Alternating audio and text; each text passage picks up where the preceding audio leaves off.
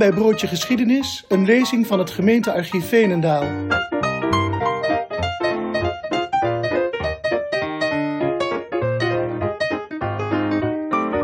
Deze Broodje Geschiedenis werd gegeven door Sanne Heijman op 1 november 2022. En ze vertelde daarin over drie van de grote rampen die Veenendaal getroffen hebben in de 17e eeuw.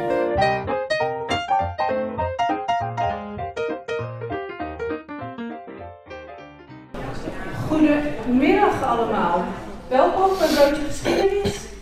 Welkom terug voor een aantal. Het is uh, lang geleden dat we dit gedaan hebben, 2,5 jaar om precies te zijn. We zijn heel blij dat het weer kan. En nou, daarom dat te vieren deze keer ook echt een lunch erbij. Dus uh, geniet ervan zou ik zeggen. Um, ik zie heel veel nieuwe gezichten, dus ik ga even kort uitleggen wat Broodje Geschiedenis is. Um, dat wordt georganiseerd door het gemeentearchief. We hebben een hele kluis vol documenten met mooie verhalen, soms ook wat minder mooie verhalen, over de geschiedenis van Veenendaal. En dat willen we heel graag delen met mensen. Ja, met 80 mensen in de kluis is misschien niet zo'n goed plan. Dus vandaar dat we deze lezingen eens in de zoveel tijd organiseren. Um, dat was in het verleden vijf keer per jaar. Uh, of we dat nog zo vaak gaan doen, dat weten we nog niet. We kijken even hoe het vandaag loopt. En er komt zeker een vervolg, maar uh, we weten nog niet wanneer. Dus hou even de krant en de social media en zo in de gaten voor, de, voor een volgende editie. Um, voor vandaag hebben we Sanne Heijman uitgenodigd. Ik denk dat ze voor veel mensen geen onbekende is. Um, zij heeft een ontzettend leuk boekje geschreven van blauwkous tot wolpoes.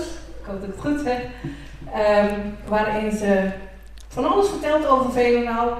Geen stadsgids, zegt ze zelf. En daarin stonden ook een paar leuke historische verhalen. En zodoende trok ze ons aandacht bij het gemeentearchief. Van hé, hey, misschien moeten we Sanne een keer uitnodigen om een verhaal te komen vertellen.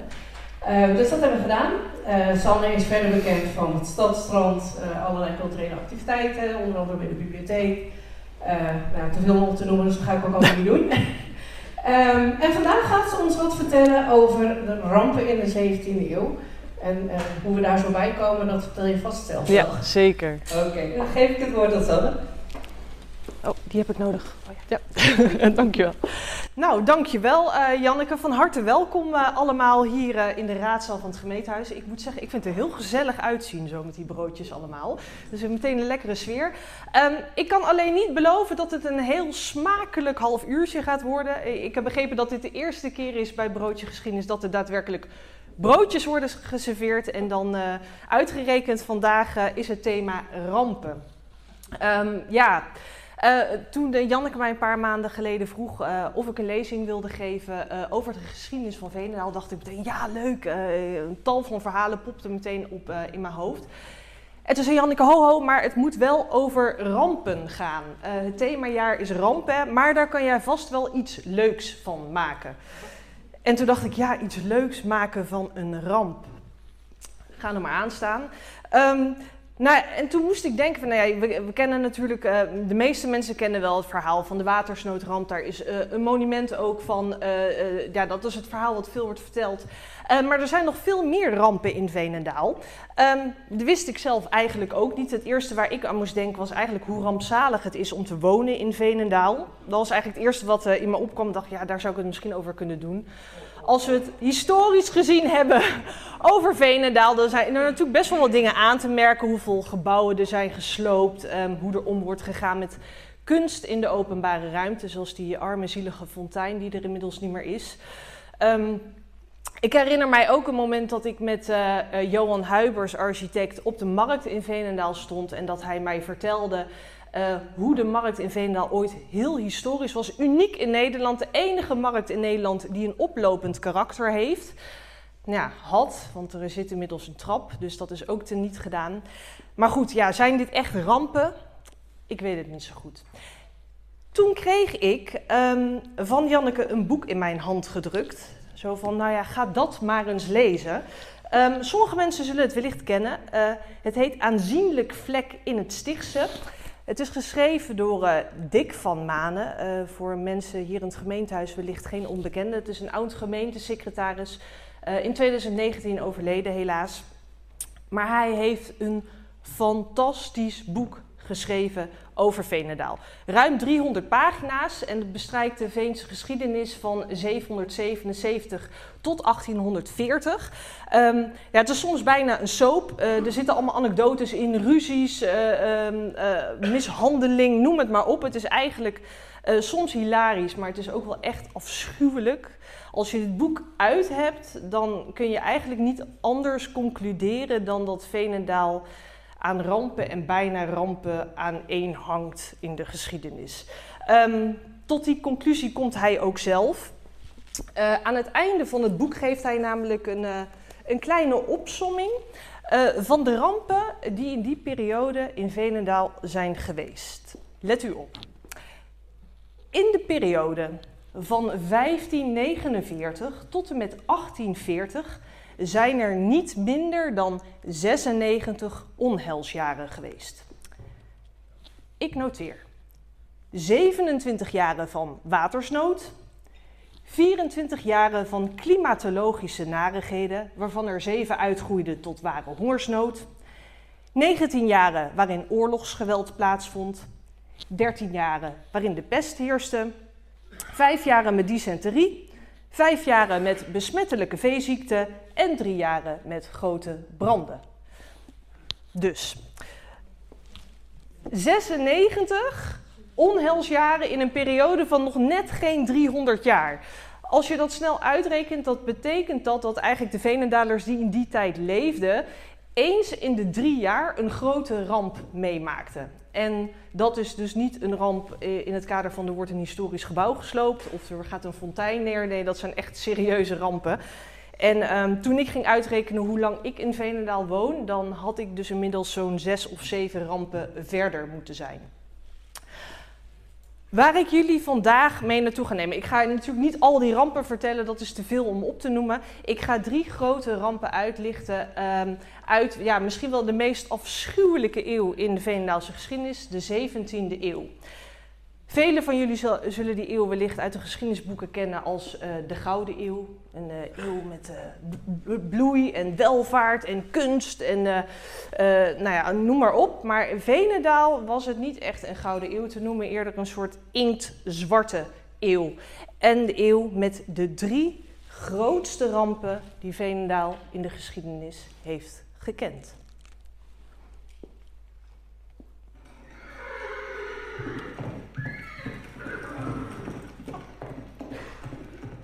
De krawatten komen. De krawatten komen. Als je begin jaren 30 van de 17e eeuw hoefgetrappel hoorde, paardengeluid en deze uitspraak de krawatten komen, dan wist je, dit is niet goed. Wegwezen.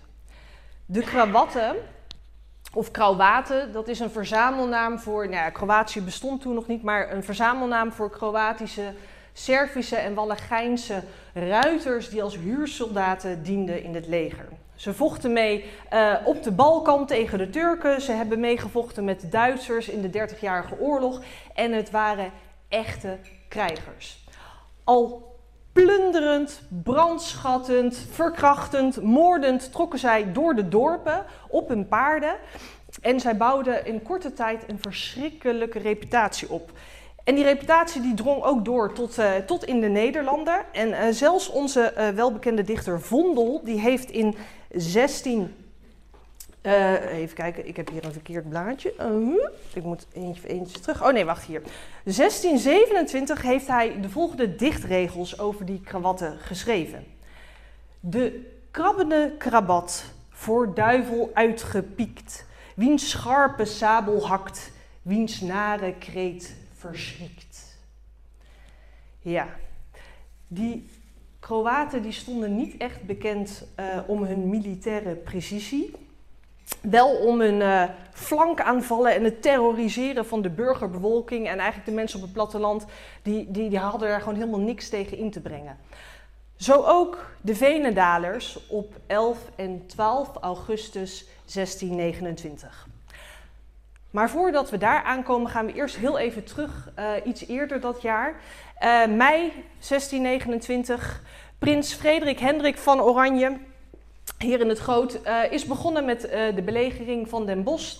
Binnen een paar weken heeft hij de stad omsingeld, ingenomen en de Spanjaarden zijn woedend. Die willen dat beleg afbreken, want Den Bosch is heel erg strategisch belangrijk.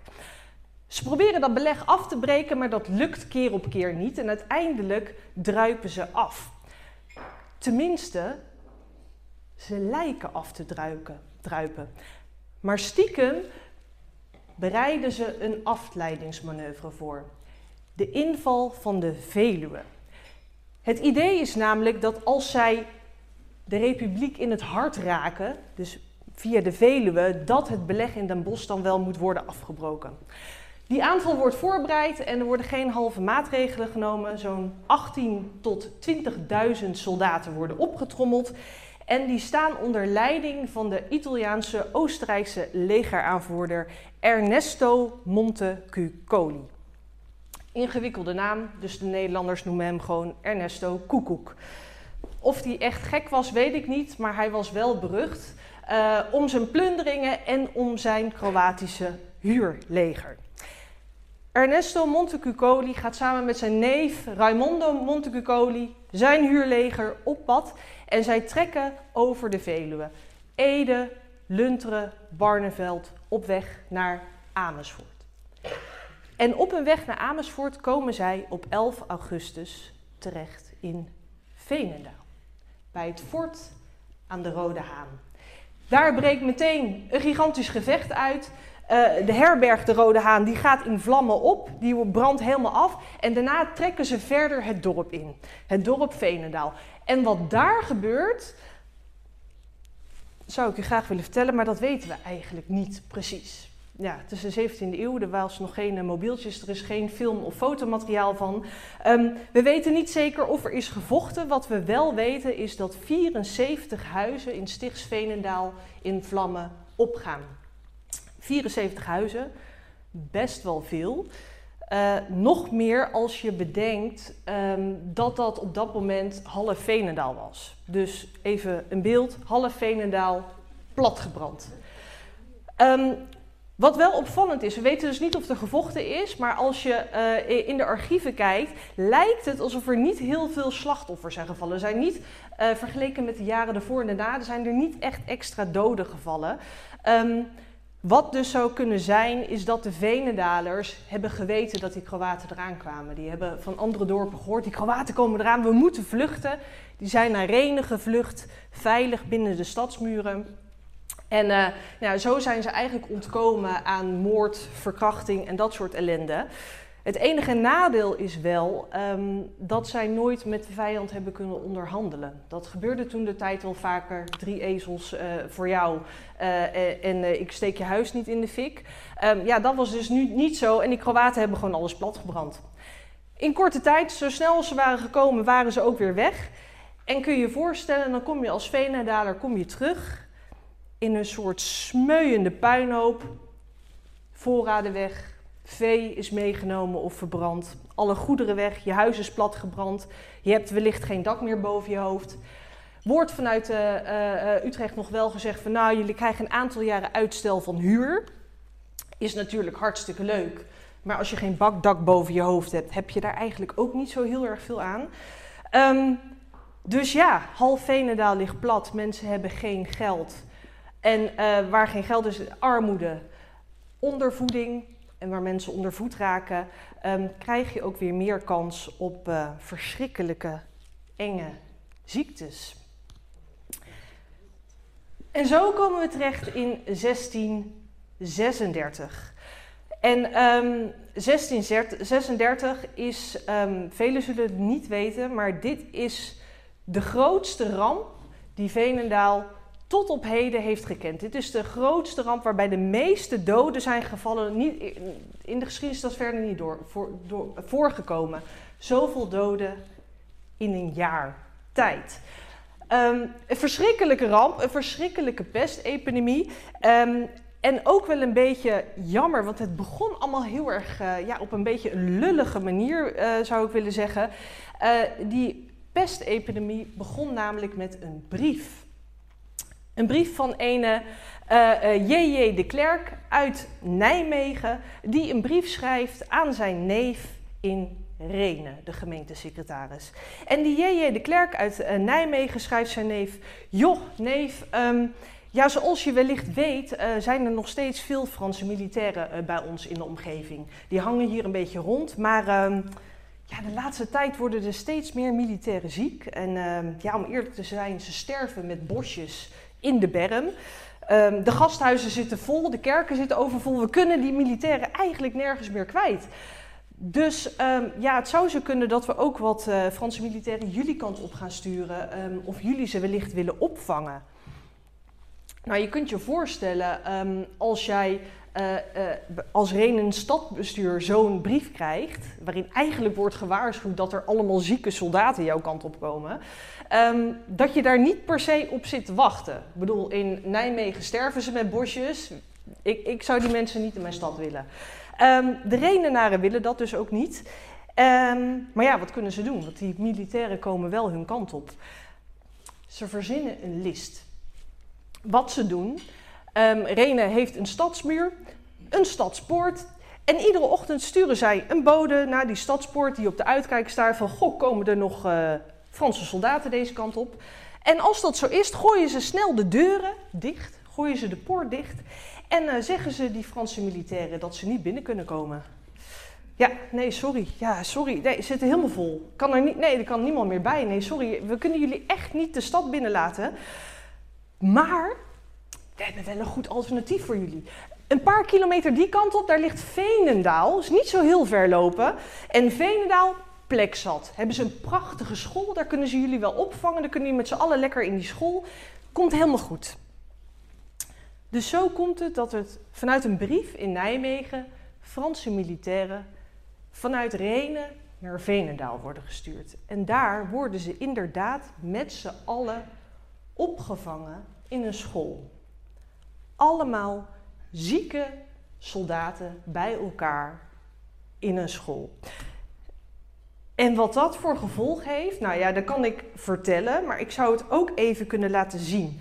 Um, ik heb een kort filmpje, het pestjournaal. Ik, zou, eh, ik geef even een kleine waarschuwing vooraf. Als, het is niet een heel smakelijk filmpje. Mocht u een broodje aan het eten zijn, ik zou het even, even wegleggen voor de zekerheid. Goedemiddag. De zwarte pest is de gezel van deze tijd.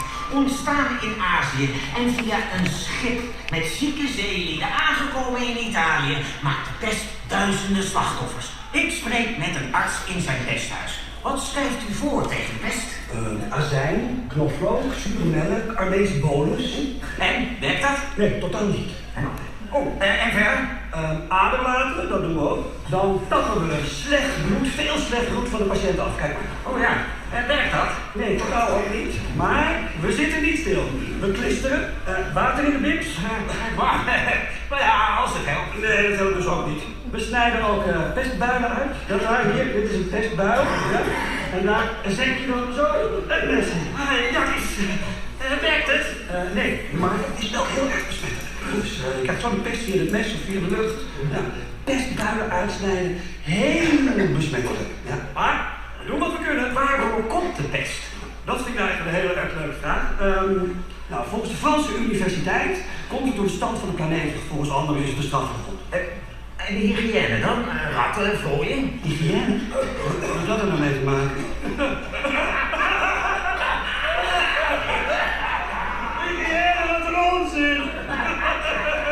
En hoe herken je de pest? Oh, dat is weer een hele leuke. Kijk, deze meneer, die heeft dus de builenpest. Dus dat is veel zweten, hoofdpijn, misselijk.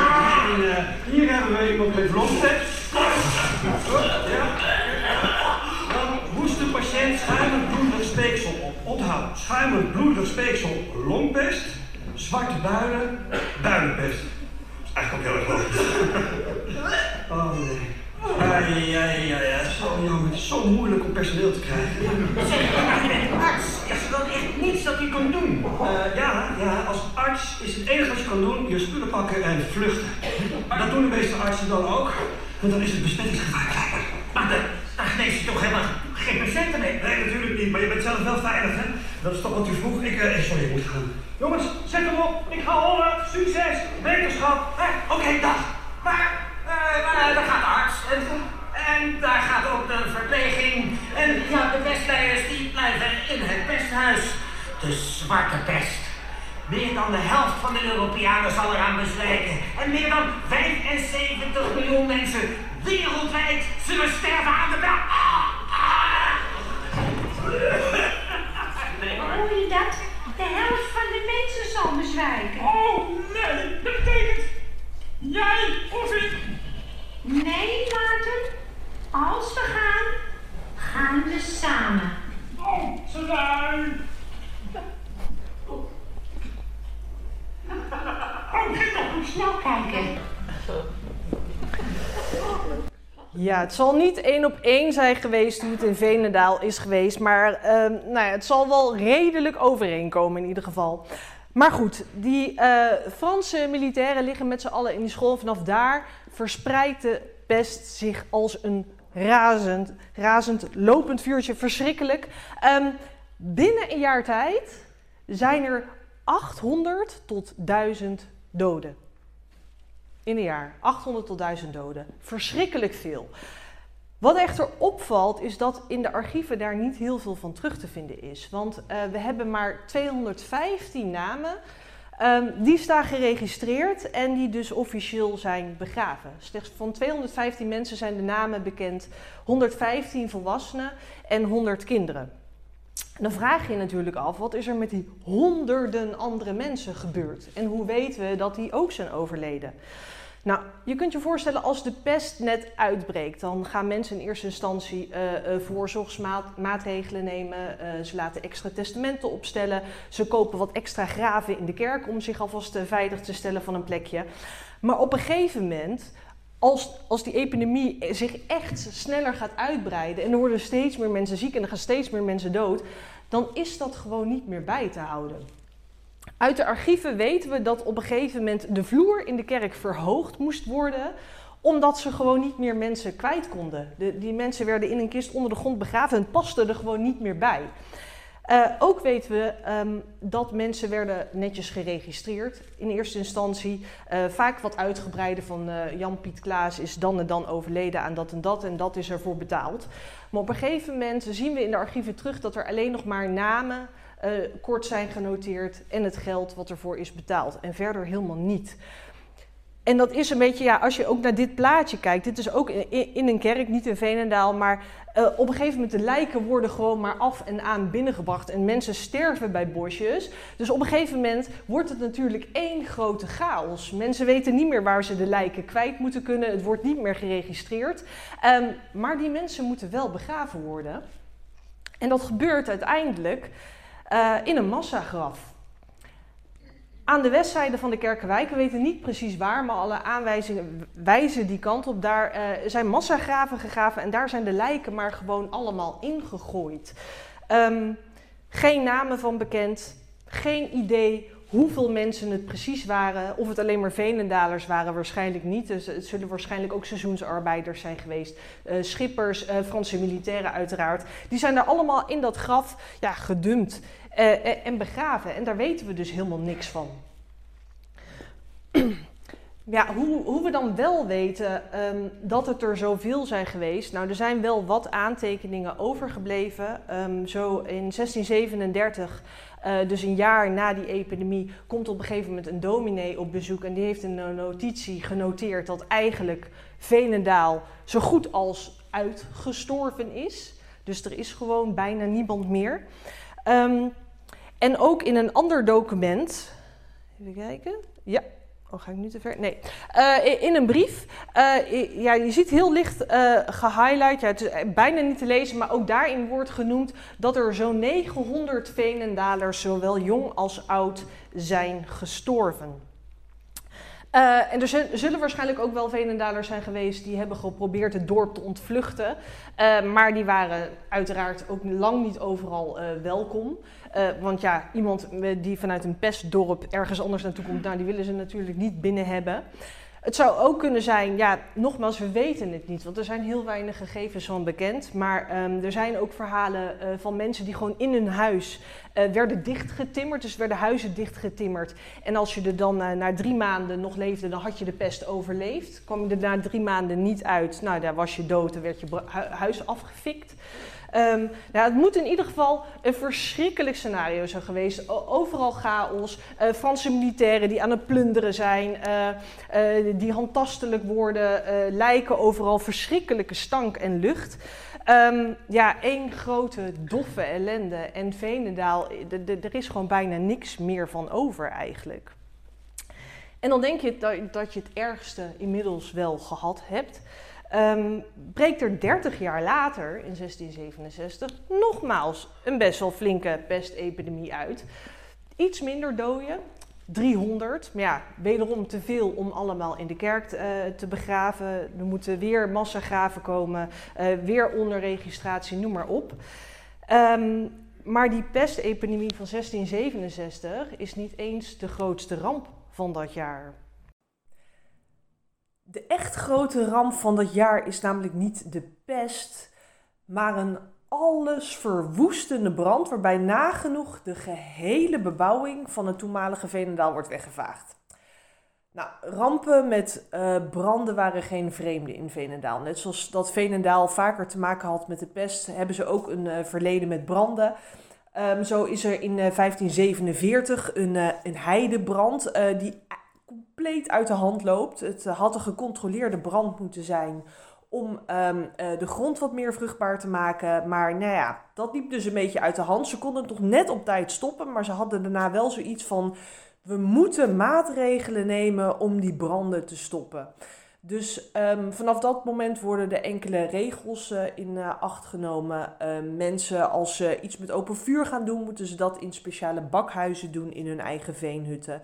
Um, ook worden ze verplicht altijd twee emmers bluswater um, in hun woning te hebben. Dus mocht er ergens brand uitbreken, dat er in ieder geval water is en dat ze elkaar ook kunnen helpen. Want ja, de meeste mensen uh, woonden toen de tijd ook nog in uh, houten huizen met uh, strooien daken. Nou ja, je kunt je voorstellen dat het een vrij brandgevaarlijke omgeving was. Um, het is dus niet de eerste keer. Er zijn vaker branden, maar zo erg als in 1667 zo erg is het nog niet eerder geweest. En dat terwijl het eigenlijk een hele heugelijke dag had moeten zijn. 6 juli 1667. Er is een openbare viering, want de overwinning op Engeland en de Tweede Engelse Oorlog die moet gevierd worden. Uh, Michiel de Ruiter die heeft de tocht naar Chatham met succes afgesloten en er wordt een grote viering voorbereid op de markt. Nou, nu kan ik me voorstellen als je aan de markt van Veenendaal denkt, dat je dan uh, de huidige markt in je hoofd hebt. Dus veel steen, de kerk. Um, maar je moet je voorstellen dat die markt zag er toen der tijd totaal anders uit. De kerk, die stond er, die stond daar toen al. Um, maar er stonden ook heel veel bomen omheen, er was gras, er was veel groen. Kortom, um, ja, een vrij brandgevaarlijke omgeving kun je zeggen. Maar goed, dat feest dat wordt daar voorbereid. Um, uh, er worden wat vuurkorven neergezet. Uh, er wordt wat hout op het vuur gegooid. wellicht zullen de mensen een biertje erbij hebben gepakt. Het is tenslotte feest. En zo start die avond. Er wordt een biertje gedronken, uh, er wordt wat extra hout op het vuur gegooid. Uh, dat vuur dat wordt langzaam een beetje groter, er wordt nog een biertje gedronken, nog wat hout op het vuur. Uh, mensen drinken nog een biertje, worden misschien een klein beetje baldadig. En dat vuur dat wordt groter en groter. Het wordt een mega vreugdevuur. Maar dan begint het een klein beetje te waaien. En die wind draait. En dan ineens, terwijl mensen volop aan het feestvieren zijn, gaat die brand, die, die, die, die brandstapel, die vlammen, die gaan over op een pand aan de noordzijde van de markt. En dat pand, dat vat vlam. Dat pand begint te branden en die brand slaat over naar het pand daarnaast en het pand daarnaast en het pand daarnaast, die brand wordt steeds groter en groter, gaat zelfs de hoek om naar de Kerkstraat, daar wat nu de linkerzijde van de hoofdstraat is. En daar vatte ook dat, dat vuur verspreidt zich als letterlijk een lopend vuurtje helemaal door de hoofdstraat tot aan het Zwaaiplein. Al die huizen vliegen in de fik. En het is echt een grote brand, want de meeste huizen zijn inderdaad van met, uh, hout met een strooien dak. Maar er zitten ook stenen huizen bij en ook die worden met de grond gelijk gemaakt. 50 huizen branden af. 50 gezinnen opnieuw dakloos. Geen dak boven hun hoofd. En nou we, we, hebben het er net over gehad. Er zijn inmiddels al zoveel rampen geweest. Mensen hebben gewoon bijna geen reserves meer. Dus wat, ze hebben ook geen geld meer om een huis weer op te bouwen. Echt, die, die zijde aan de hoofdstraat zal nog jarenlang een desolate aanblik bieden. Want die huizen kunnen gewoon niet opnieuw uh, worden opgebouwd. Uh, mensen raken aan het bedelen. Um, nou ja, opnieuw ziektes. Nou ja, noem maar op. Pure, pure ellende. En dan heb ik het eigenlijk, als we het nu even terugkijken. Ik heb het uh, uh, zojuist over drie rampen gehad. 1629, de inval van de Kroaten.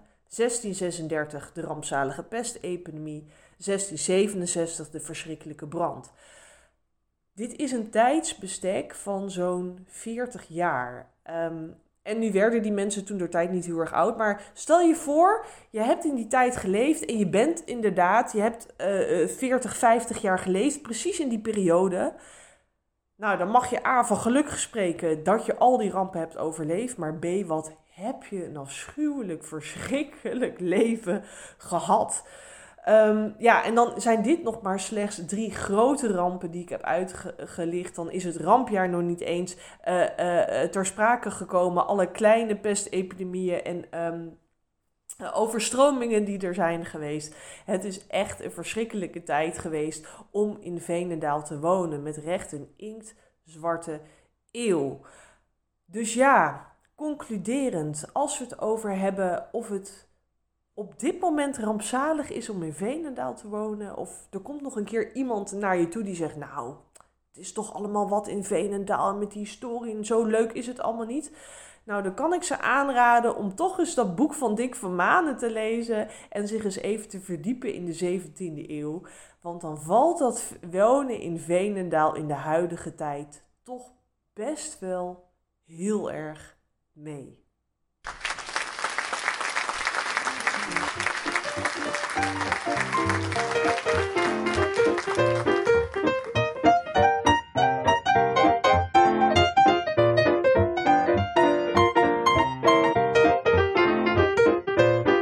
Bedankt voor het luisteren. Wil je meer ontdekken over de geschiedenis van Veenendaal? Ga naar gemeentearchief.veenendaal.nl